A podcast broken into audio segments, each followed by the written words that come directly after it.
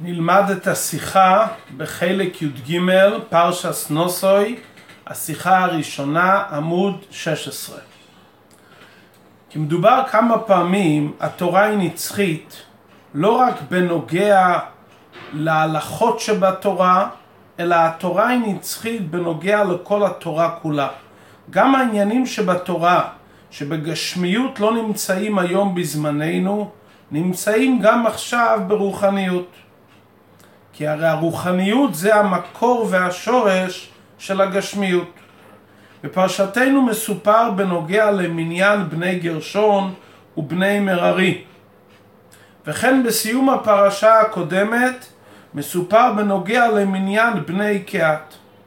בגשמיות אין היום את העניין של בני קהת, גרשון ומררי, כי הציווי למנות אותם והמניין עצמו היה רק פעם אחת בשנה השנית לצאתה מארץ מצרים. אבל מכיוון שזה כתוב בתורה והתורה היא נצחית, בוודאי שבכל דור ודור העניין הוא נצחי. כדי להבין את זה ממשיך הרבה בסעיף ב' עלינו להבין למה עם ישראל הוצרכו להישאר במדבר 40 שנה. הן אמת שחטא המרגלים גרם שנגזר עליהם שלא ייכנסו לארץ ישראל 40 שנה. יום לשנה, יום לשנה. הגזרה הייתה רק בנוגע שלא ייכנסו לארץ ישראל. הם מעשו בארץ ישראל, הם לא רצו להיכנס, ולכן הם נענשו שלא ייכנסו אליה. מידה כנגד מידה. אבל הם הרי היו יכולים להיות 40 שנה במקום יישוב אחר, ולא בארץ ישראל. אבל למה הם היו במדבר? ובמדבר הגדול והנורא, נחש, שרה ועקרב, צמאון אשר אין בו מים? מבואר על זה בליקוטי תורה פרשתנו, בלשון הליקוטי תורה, טעם נסיעתם במדבר עם המשכן וכליו, היה כדי להכניע כוח יניקת החיצונים, ששורש יניקתם הוא במדבר דווקא. כשעם ישראל הלכו במדבר עם המשכן וכליו, בזה הם הכניעו את החיצונים, את כוחות הקליפה שיונקים מהמדבר. לא רק שהם הכניעו את החיצונים ואת החושך המסתיר, הם המשיכו גילוי אלוקות, ובשביל זה, כדי להפוך את המדבר ולהמשיך בו גילוי אלוקות, הם היו צריכים להיות במדבר 40 שנה. איך זה קרה העניין של הכנעת הקליפות והמשכת גילוי אלוקות? על ידי שבני ישראל נסעו במדבר, הענן היה הורג את הנחשים והעקרבים, וגם הם הפכו את המדבר למקום יישוב. מדבר הוא נבדל ממקום יישוב בשני עניינים. אחד, שלא ישב אדם שם, וכשבני ישראל היו במדבר, ישבו במדבר שישים ריבו בני ישראל, עד כדי כך שהגמרא אומרת שזה היה נחשב אז לרשות הרבים. דבר שני, במדבר זה ארץ לא זרועה, אבל כשבני ישראל היו במדבר והיה מים מבעירה של מרים, כפי שנאמר במדרש, הם היו מגדלים מיני תשעים ואילנות לאין סוף.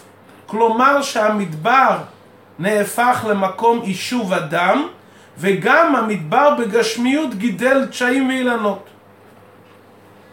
בזה הם הכניעו את כוחות הקליפה של המדבר, נחש, שרה ועקרב, והפכו את זה למקום יישוב. זה הטעם גם בפנימיות העניינים לסיבה שבני לוי מבין שלושים שנה נמנו במיוחד. בשביל מה? עבור העבודה של נשיאת המשכן וכליו, שזה בעצם הפעולה שגרמה את הפיכת המדבר לארץ נושבת. ברגע שמונים אותם במיוחד, הם נעשו כדבר חשוב. וברגע שהמניין פועל בהם דבר חשוב, כי כל דבר שבמניין הוא חשוב והוא לא בטל, לכן לא רק שהמדבר לא יפול עליהם, הנחש שרה והקרב החיצונים לא יפעלו חס ושלום על בני לוי, אלא אדרבה הם יהפכו את המדבר לארץ נושבת. עד כאן הביור שמבואר בליקוטי תורה בהסבר מדוע בני ישראל הלכו דווקא במדבר 40 שנה ולא היו במקום יישוב אחר 40 שנה. ממשיך הרבה בסעיף ג' העניין הזה לעשות את המדבר ארץ נושבת והכוח על זה שמקבלים מלמעלה על ידי שמנו את בני לוי זה עניין נצחי בכל דור ודור. בלשון של הרבה, שאדם מתבונן בסביבה בה הוא נמצא. לפעמים הסביבה כזו שהיא בבחינת מדבר אשר לא ישב שם אדם העליון. כי רוב בני אדם בסביבתו אינם יודעים מעניין אלוקות אדם העליון, ואלה היודעים ואלה המתעוררים להתנהג כפי הוראות הקדוש ברוך הוא בתורה, הרי אין צדיק בארץ אשר יעשה טוב ולא יחטא. על כל פנים יחסיר מכדבוי למב עד כמה שצריך לעשות את העבודה. ואז האדם מרגיש שהוא נמצא במדבר אשר לא ישב אדם שם, כי האדם העליון לא נמצא שם באופן של התיישבות וקביעות. ואז יכול האדם ליפול בעצבות וייאוש חס ושלום, וכתוצאה מכך לנטוש את השליחות שלו בעניי עירך ולנוס למקום אחר. על זה באה ההוראה מפרשתנו. צריכים לנסוע במדבר ולשנות אותו. כמו שבני ישראל היו במדבר על פי ציווי השם, והם הפכו את המדבר למקום יישוב. אותו דבר בנוגע לכל אחד מבני ישראל בכל הזמנים, שבכל מקום שהוא נמצא, גם אם המקום זה מדבר שמם, זה שהוא נמצא שם זה לא במקרה חס ושלום, זה בשליחות מהקדוש ברוך הוא, מהשם מצד גבר קונונו, כדי להפוך את המקום על ידי העבודה שלו למקום מושב אדם העליון. בהערה הרב מביא שזה לא סתירה למה שהרמב"ם כותב, שאם אדם נמצא במדינה שמנהגיה רעים, שילך למקום אחר, או שילך למקום שהוא יהיה יחידי, כי מה שכתוב ברמב"ם שם זה כדרך רוב האנשים שהם נמשכים אחרי אנשי מדינתם. אבל אם אדם מחליט בכל התוקף שעליו לפעול על הסביבה לשנותה לטוב, אומרו חז"ל הבא לתאר אחרים, מסייעים אותו, נותנים לו כוח מלמעלה שהוא לא יהיה נמשך אחריהם, ואדרבה יהיה בכוחו לשנות את אנשי המדינה. ועל פי מה שהרמב"ם כותב, שהעניין הזה לא קשור רק לשבט לוי, הרמב"ם הרי כותב בסוף הלכות שמיטה ויובל, שלא שבט לוי בלבד, אלא כל איש ואיש שנדבה רוחו אותו להיבדל לעמוד לפני השם לשרתו, יהיה השם חלקו ונחלתו, כמו שזכה לכהנים ללוויים. זאת אומרת שכל אחד ואחד שמנדב את רוחו לאורות דרכיו הישרים ומשפטיו הצדיקים לרבים, נותנים לו מלמעלה את הכוח ואת חשיבות, כמו שמנו את בני לוי עד שהוא לא בטל. ואז הוא מדרגה של בני גרשון, שעליהם נאמר נשוא את ראש בני גרשון גם, הוא עולה לדרגה של בני קהת, נשוא את ראש בפני עצמם, אצל גרשון כתוב גם הם, אצל קהת כתוב נשיאת ראש בפני עצמם, ועל ידי זה ביכולתו לעשות את המקום שהוא נמצא, גם אם בהתחלה זה היה כמדבר, הוא יכול לעשות איזה דירה לא יתברך. כמו שהרבי מבאר, לא רק להפוך את זה לדירה לא יתברך, אלא להפוך את זה למעליותא, למקום אשר לא ישב אדם, למעליותא, למקום שהוא למעלה מהאדם העליון גם, כמו שמבואר בזוהר ובליקוטי תורה. סעיף ד' הרב אומר שההוראה הזאת היא לא רק בנוגע לפעילות עם החוץ ועם הזולס, זה גם בנוגע לאדם עצמו ביחס לעבודה האישית. כשאדם עושה חשבון צדיק עם מה שעבר עליו, לפעמים הוא מגיע למסקנה שהסך הכל עד עכשיו שהוא נמצא בדרגס מדבור. ועל ידי זה אפשר שיבוא לידי ייאוש חס ושלום. בפרט אם אדם עבר ושנה ואז זה נעשה לו כהיתר, ואם הוא יתרגל יותר משני פעמים, הרגל נעשה טבע. אז אדם יכול ליפול בייאוש. על זה באה ההוראה מבני לוי. מגיל שלושים ומעלה, מאז הם התחילו לעבוד את עבודת המשכן. ומאז ניתן להם הכוח להגיע לדרגה של נשוא את ראש להיות נושא המשכן. להפוך את המדבר למקום יישוב. ומעשה רב כך היה בפועל. הם הצליחו לעשות את זה בפועל, להפוך את המדבר למקום יישוב. אותו דבר זה הוראה כל, לכל אחד, מבלי הבט על מצבו מה שהיה עד עכשיו.